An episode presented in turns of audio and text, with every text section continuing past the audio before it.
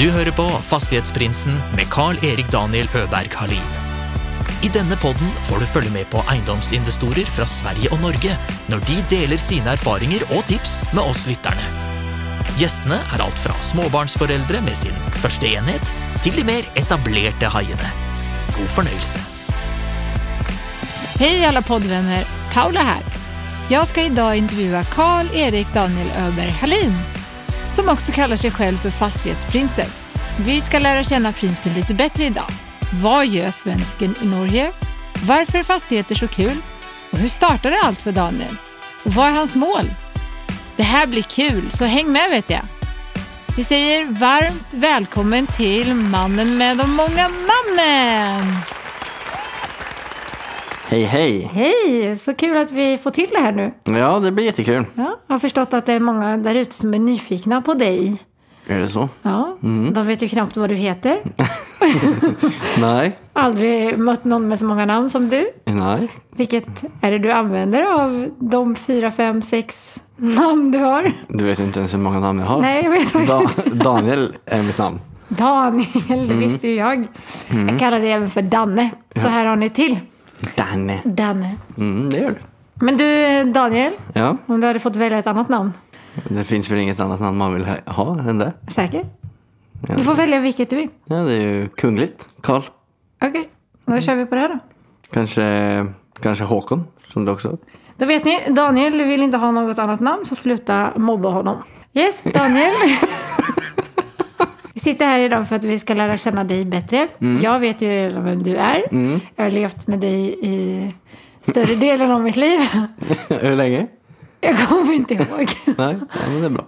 Vänta nu. Vi har, jag har känt dig längre än vad jag har levt.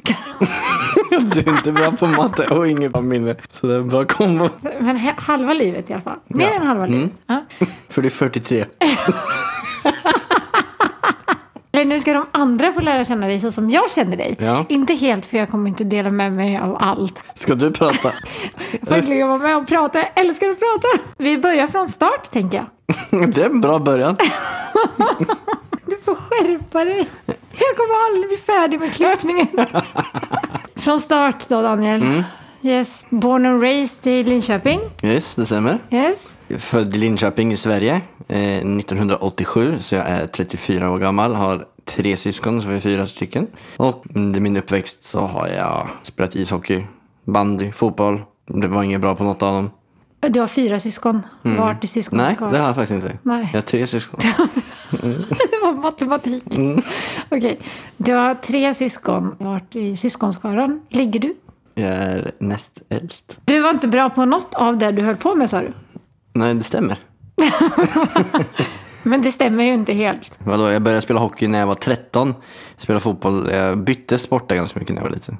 Men jag har alltid tyckt om att träna. Sen så började jag spela lite mer squash på sidan och det har jag väl varit, alltså det har jag inte tävlat i. Men eh, Men squash tycker du är kul. ja, squash är kul. Ja.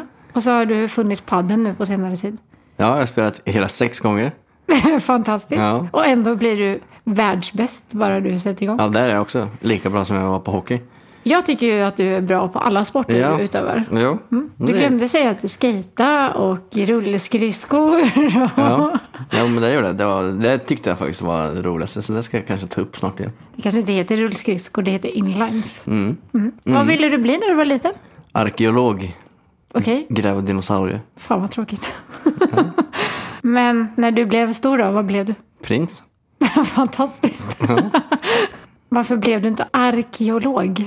Jo, alltså, nej, det var när jag var liten. Ja. Men sen när jag väl skulle välja vad jag skulle göra i skolan så fanns det dessvärre inte arkeolog att välja. Så blev det aldrig att jag förföljde det. Nej, Nej. vad valde du då? Barn och fritid.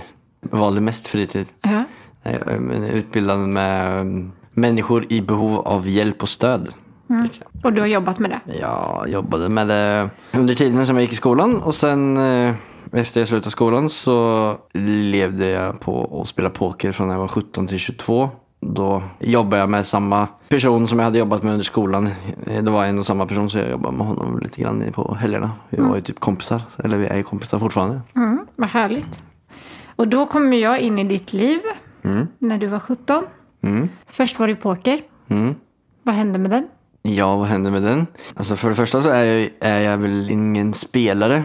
Vad menar du med spelare? Sen jag är väl mer systematisk och det var en annan tid vad det var då. Då var det väldigt, då spelade jag ju typ hela Norden poker, hela världen spelade poker. Det var ju under pokerboomen. Så det var ju väldigt enkelt att spela poker. Man var lite systematisk och seriös. Och det var jag. Så jag la ju ner 12 timmar om dagen på förberedelser och jag spelade kanske 3-4 timmar om dagen och förberedde mig och utvärdera och liksom läste böcker och studera de andra timmarna. Tror du alla andra gjorde så också eller? Är det det som Nej, krävs? det, eller ja, så är det väl med allt. Om du inte reflekterar över vad det är du gör så kommer du ingen vart. Alltså om du bara kör på utan att ha någon plan.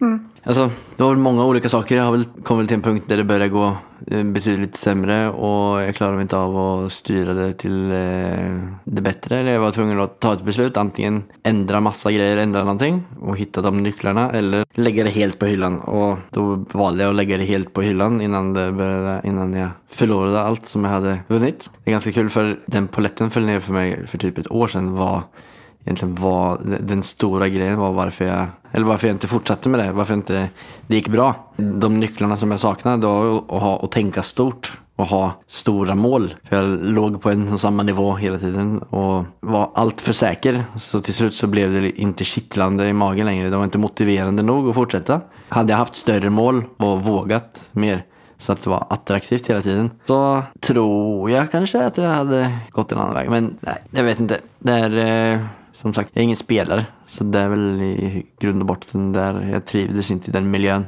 Nej, och då var du från 17 till Det var väl 21, 22. Det var när vi flyttade till Norge. 2010. Så då la jag det på hyllan och bestämde oss för att åka till Norge och jobba här i en period som vi skulle finna ut av vad vi skulle göra. Om vi skulle studera eller någonting. Så hade vi... Vi skulle göra en sån här klassisk svensk resa hit. Du trodde det ja. Jag trodde det, jag ville inte hit. Nej. Men jag hade en plan. Jag hade ju 30 intervjuer. och Bokat upp de tre första dagarna som vi kom hit. Min plan var ju att vara här i typ tre år och se hur, hur snabbt jag kunde stiga i graderna i ett företag. Och se om jag alltså, motsvarade en utbildning som hade tagit tre år.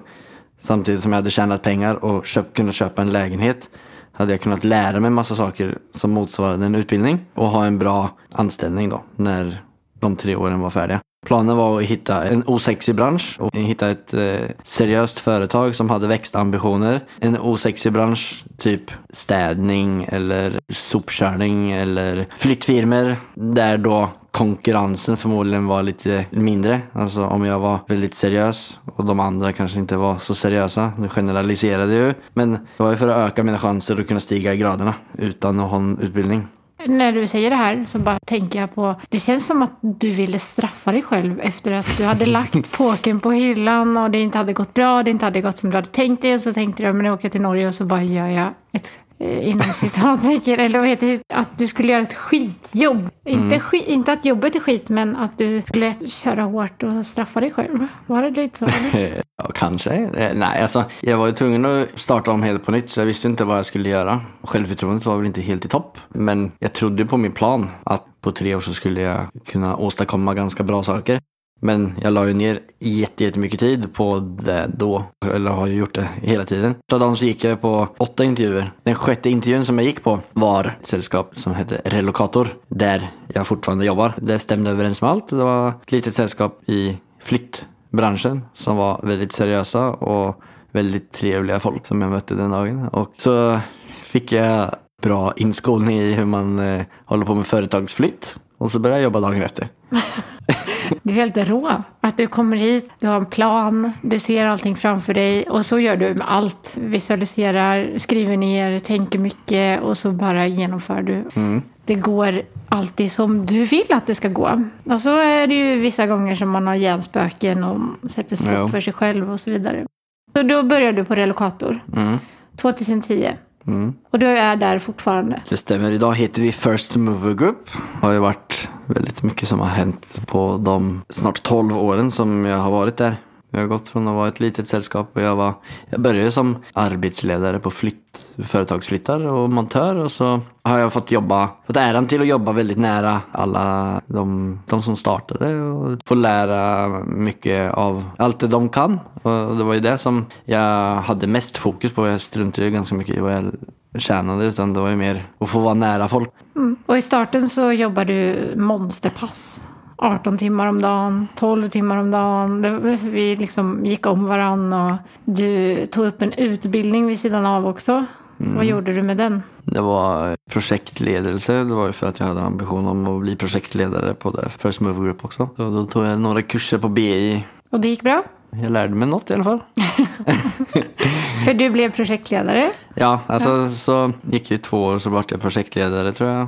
Och så jobbade jag inom det och samtidigt så fick jag vara med och utveckla en ny satsning som vi skulle göra som var logistik och montage för kontorsmöbelleverantörer. Så vi var vi är deras outsourcningspartner. Vi gör allt. De säljer eh, kontorsmöbler och vi tar hand om allt efter det. Så det var jag och min kollega med och byggt upp, eh, eller många då, men eh, var jag ansvarig för till slut och varit daglig ledare för eh, de sista sex åren. Byggt upp det till 130 miljoner var väl rätt före corona. När du var 17, tänkte mm. du på fastigheter då? Ja, när jag spelade poker så var det hela tanken var att ta de pengarna ut i fastigheter. Mm, jag var ju så liten och ung och hade inte så mycket erfarenhet så det var ju begränsat av hur mycket, hur mycket jag hade satt mig in i det. Eller förstod om. Tanken har alltid varit att stoppa in det i fastigheter. Och när du var inne i gröten med relokator och du gick från den ena titeln till den andra. Tänkte du på fastigheter då också? Ja, det var ju, alltså den här treårsplanen som jag hade var ju dels att lära mig så mycket som möjligt och köpa vår första lägenhet privat att bo i. För att det förstod jag ju, eller fick jag ju upp ögonen för att det gjorde ju alla norrmän. Och värdeökningen som hade varit under de sista åren gjorde ju att okej, okay, det, det här kan man inte vara utan. Så nu var det all in på det. Hur menar du med att alla norrmän gjorde det? Alltså i en, Sverige mot Norge, nu kan, vet jag inte vilken procent det är, men det är större andel av norrmännen som äger sina egna privata hus och lägenheter jämfört med Sverige och säkert hela världen. Norge måste vara ganska högt upp i toppen i världen på att man äger sin egen bostad. Och i tillägg så är det ju många som äger både en och två och tre och fyra och fem extra lägenheter utan att ha det som verksamhet utan det är bara någonting som de har som har blivit en grej. De, värdeökningen har varit så bra så att de refinansierar och köper en ny lägenhet och hyr ut och så köper de en ny fem år senare och hyr ut. Vi skulle köpa vår första lägenhet. Vad blev det första? Den första lägenheten blev, vi höll på i tio månader och gå på visningar och grejer. Så den första blev på Trosterud i Oslo. Och jag köpte faktiskt en lägenhet före det också. Just det. För då hade vi hållit på att hitta en lägenhet och börjat få panik. Så då eh, bara, måste jag köpa en lägenhet. Så då var det en svinbillig lägenhet eh, som eh, var runt omkring där. Som, det var visning samma dag som jag hittade den så då fick jag gå på den på morgonen. Åkte till mäklaren tog nyckeln, åkte ut med T-banan till eh, där den var. Gick in i den och den var skabbig som F och inte alls någonting som man vill bo i. Så då tänkte jag, den här ska jag ha. Och gick till mäklaren och la in ett bud, satt på mäklarkontoret. Så var det en annan som ville ha den också, så det vart ju budkrig. Den kostade 1,4 miljoner tror jag och eh, vi var väl uppe på 500 000 över det. Och det var väl 200 000 i vart fall som skulle in i renovering. Och det kan ju verkligen inte jag någonting om. Så det var goda förutsättningar. Så han mäklaren satt ju varje gång som den andra bjöd över mig så var det så, nej nu, nu, nu, nu, må du, nu må du ge dig det är inte värt det mer. Så jag, jo, men 50 till. 50 till. Då fick vi den till slut, gick därifrån och stängde den hos mäklaren och så tänkte jag, Får jag vad fan har jag gjort här? Ja, det här var innan Facetimens tid. så jag står på jobb, du har köpt en lägenhet, ja. jag får inte se den. Du säger att den är skitäcklig. Men du är glad ändå? men jag tänkte att vi skulle bo där ett år och liksom så bollen var igång. Men eh, det var ju svinont i magen. Så som tur var så var det en som tog det på som förköpsrätt för Obos. Det var, jag firade ännu mer då än vad jag gjorde när vi fick den. Så någon vecka senare så köpte vi den första lägenheten som vi bodde i fyra, tre, fyra år. Det var också så här, är det rätt att köpa? Vi gick ju över ett prisantydning där med. Så var det några äldre än mig då, som hade köpt flera lägenheter tidigare som var, vad fasen, bara ta semesterpengarna, putta in de 50 extra även om det är mer än vad du hade, tänkt att köpa den för. Bara köp den så kommer du in i det. Och det är jag jätteglad över att få, alltså de 50 000 sett tillbaka spelar ju ingen roll för det, värdeökningen som vi har varit med på har ju gjort att vi kunde köpa en till och en till lägenhet. Liksom. Mm. Det hade man ju inte klarat av att göra om man, eh, med en vanlig lön utan det är ju att göra ett bra köp. Och det var ju ett bra köp.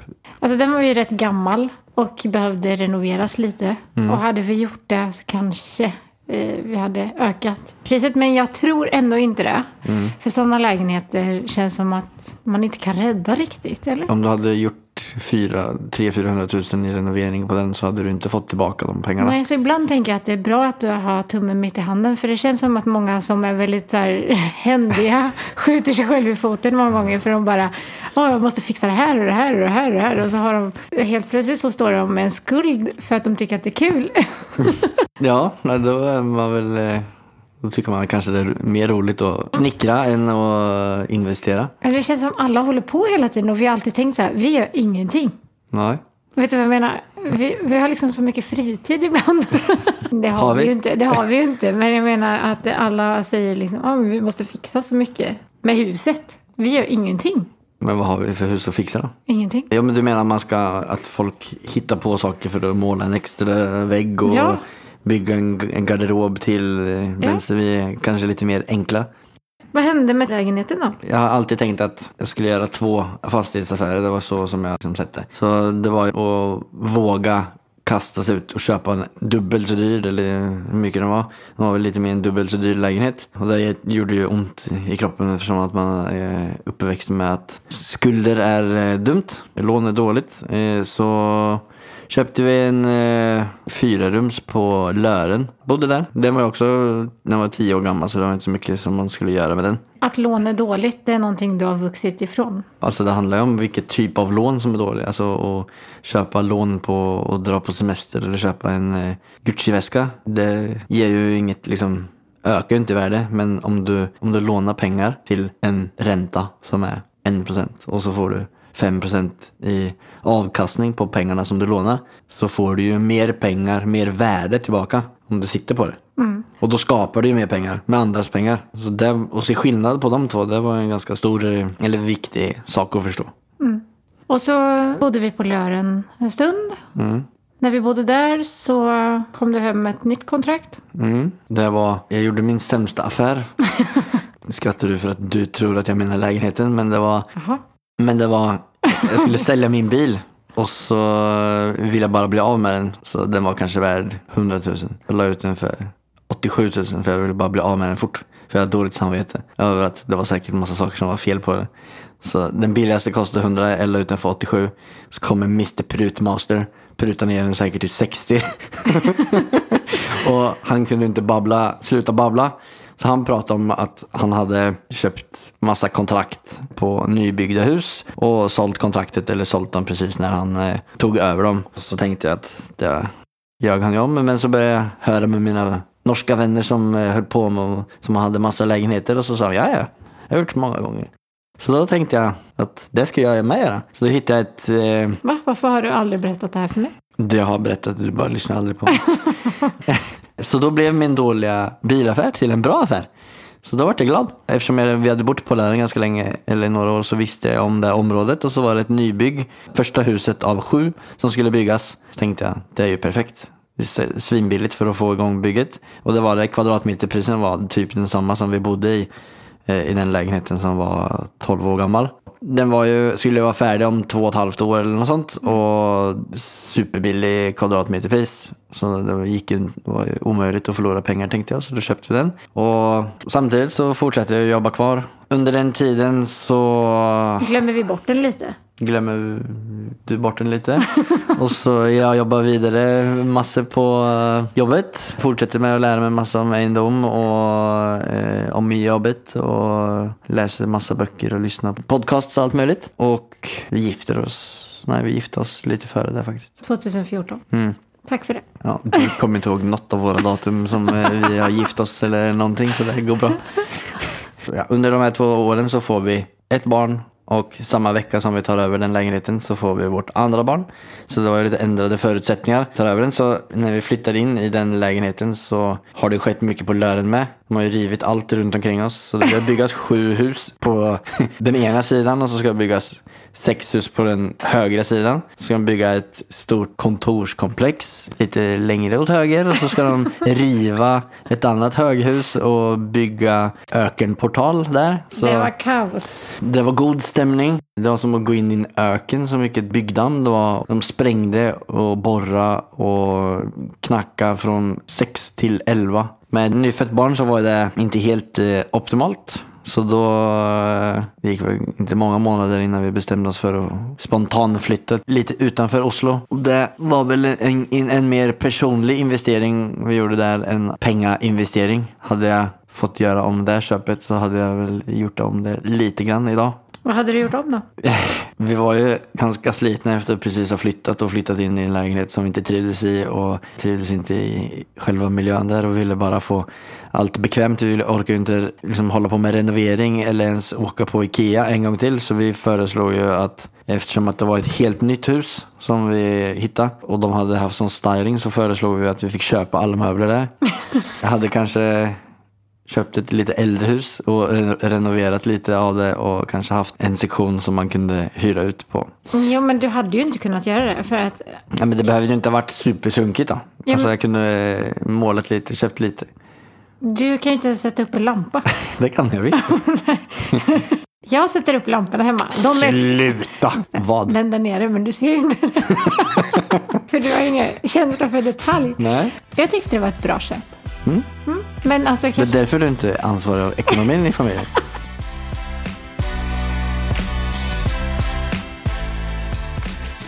Du flyttade till Norge, du hade en plan om att vara här i tre år och så har du vi, vi har varit här i elva år. Snart tolv. Hur tycker du att det har gått fram tills idag? Så jag är, faktiskt, jag är ganska imponerad av mig själv att det blev så spot on som jag hade föreställt mig. Det måste jag faktiskt säga. Mm, det är jag också. I'm your biggest fan. Tusen tack. Saknar du hem till Sverige? Jag har gjort det av och till. Och så där, varannan gång som vi är i Sverige så saknar jag det. Och varannan gång så tänker jag hur, fantastiskt det är i Norge. Vad är det du saknar då? Det jag saknar är nog mer familjen. Så Och hjälper med barnen med andra ord. Det är väl att kunna ha Jo, men vi är ju väldigt Jo men, ensamma jo här. men det är klart att det är det. Alltså ha lite, alltså, lite sådana här söndagsmiddagar eh, och bara kunna sticka över i vardagen hade varit skönt. Vi har gjort det bästa av det i alla fall. Ja, men alltså Norge är ju, det är ju det bästa landet i hela världen. Punkt slut. Finaste naturen och tryggaste landet. Jag kan inte, alltså, Sverige har haft en helt annan utveckling. Alltså, när vi flyttade till Norge så tyckte vi att Norge var väldigt bak. Alltså, allting var, kom fyra år efteråt hit. Sverige var väldigt före. Man åkte bara hit för att suga ut pengarna som oljelandet pumpade upp. Men nu de sista tio åren så har det varit en helt annan utveckling. Norge är ju mycket mer utvecklat på flera saker än vad Sverige är. Och Sverige har ju utvecklats bakåt nästan. Nej, jag vet ju inte så mycket om Sverige. Det är det här norska medier säger om Sverige i alla fall. Ja, vi, det beror nog på vem du frågar. Vi har ju en del svenska lyssnare också, det får inte glömma. Nej, det är jobbigt för er om ni bor i Sverige. Du nämnde tidigare att när du slutade med påken så slutade du få fjärilar i magen. Brukar du ha fjärilar i magen?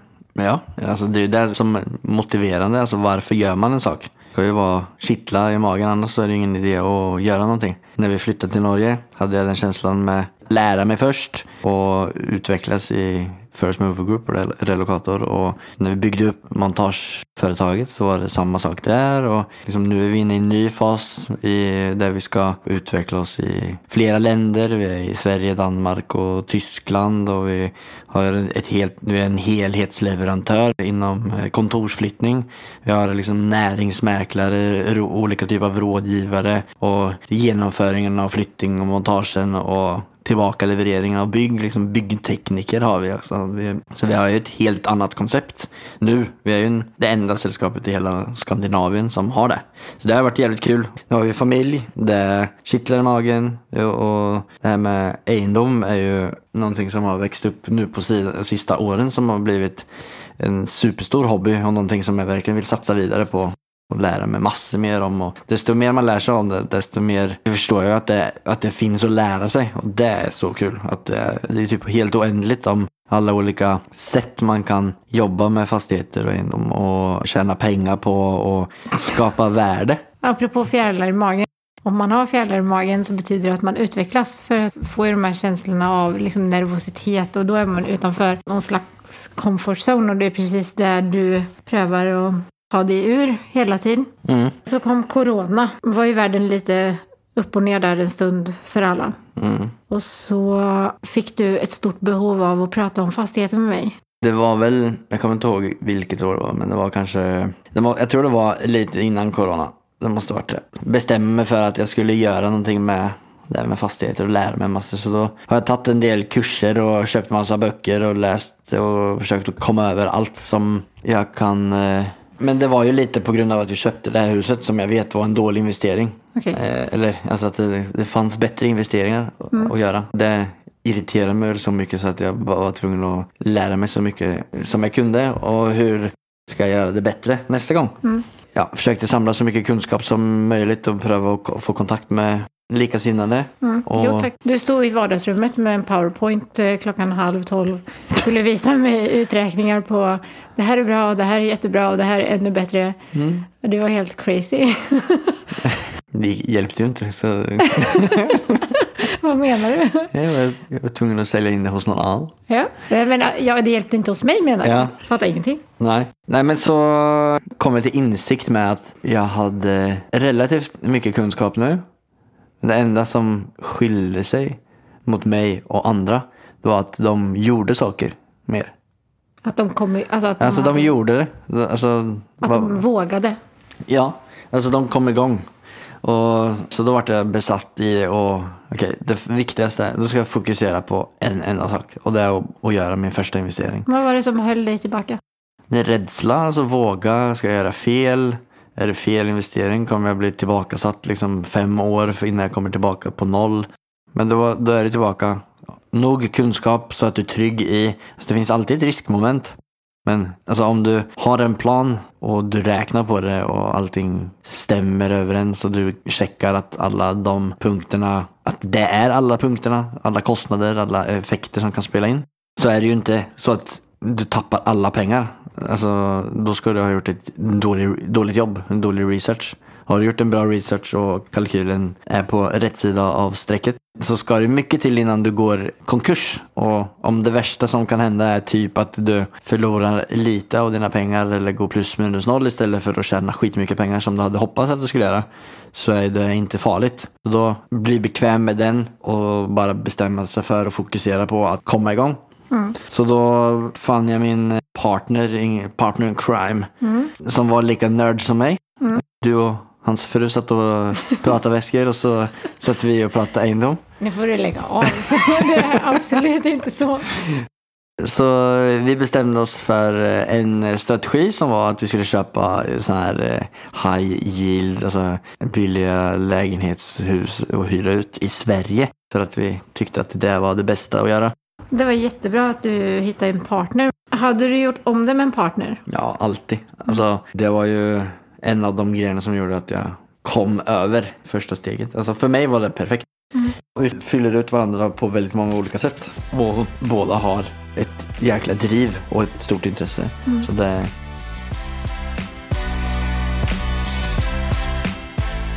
Vi ska komma tillbaka till vad ni har gjort tillsammans mm. och vad ni håller på med för investeringar. Men det här blir ju ett delat avsnitt. Idag tänkte jag att vi skulle lära känna dig lite bättre.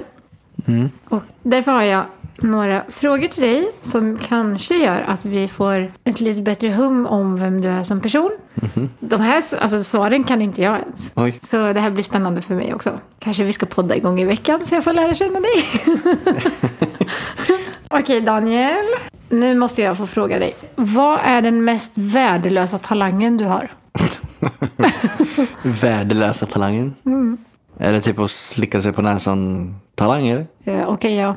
Vad är enligt dig en perfekt dag? En perfekt dag startar med en lugn morgon. Går upp ganska tidigt, men att saker och ting är lugnt. Och leker lite med barnen, dricker lite smoothie, kaffe. Alltså en perfekt dag är tillsammans med min familj och att, eh, göra massa roliga grejer samtidigt som att göra något produktivt. Något utvecklande, jobbrelaterat, någonting som gör att vi får en bättre morgondag. Sjukt tråkigt svar. Nej, men du är en jätterolig person. Vad i livet är du mest tacksam för? Att jag träffade dig. Ja, men lägg av. Det är sant. Okej. Om du kunde vakna upp med en ny egenskap eller förmåga, vilken skulle det vara? Bygga. Alltså om det ska vara en riktig talang eller inte. Annars skulle jag vara Superman och flyga. Annars så hade jag velat vara sån här Rain Man, eh, sjukt smart i matte. Vad är den största bedriften i ditt liv? Alltså det största som jag har genomfört. Ja. Det är många saker. Det senaste så är det klart att det är det jag tänker på. Alltså det att starta den här podcasten har varit så utanför min comfort zone att det inte finns. Jag har inte varit trygg med att prata så mycket inför folk. I liksom presentationssammanhang i alla fall. Vad eller vem inspirerar dig mest? Eh, när folk gör osjälviska handlingar. När man bryr sig om folk. Men när du gör någonting för någon annan. Helt enig. Utan att förvänta sig någonting. En sjukt viktig egenskap. Och den har du. Du med. No. jag ska klippa bort allt det. Om du hade en båt, Mm. Vad skulle den heta? The Princess of Trance. Va? Min lilla syster fick en svinful båt vi var små. Som vi döpte The Princess of Trance. Tack för eh, bra svar, Danne. Mm. Kände Nu- du mig bättre nu? Nej, Nej. jag tänkte därför ta tio snabba. Mhm. Mm. Oslo eller Stockholm? Oslo. Samsung eller Apple? Apple. Måndag eller fredag? Frida. Alperna eller Karibien? Karib. Kaffe eller te? Kaffe. Frukost eller middag? Frukost. Fastighetsprins eller börskung? Fastighetsprins. Bara en prins? All right. Det var en kuggfråga. Mm. God. You tricked me. Musik eller film? Eh, musik. Promenad eller löptur? Promenad. Vad- Vad röker du? Mm. Påsk eller jul? Jul. Dress eller joggdress? Dress. Chips eller godis? Chips. Potatis i alla dess former. Jag tror det var fler än tio. Jag ser jättemycket fram emot nästa del. Mm, jag med. Det här var kul. Mm. Tack för idag. Tack för idag. Hej då! Hej då. Ja, kära poddvänner. Hoppas att ni som jag fick lära er något nytt idag. Del två släpps imorgon och den vill ni inte missa. Det konstiga är att Danne säger att jag inte styr över ekonomin här hemma. Men ändå har jag hört att han kallar mig för chefen till sina vänner. Märkligt. Ja, ja. Ha en fin dag vidare så hörs vi redan imorgon. Ha det!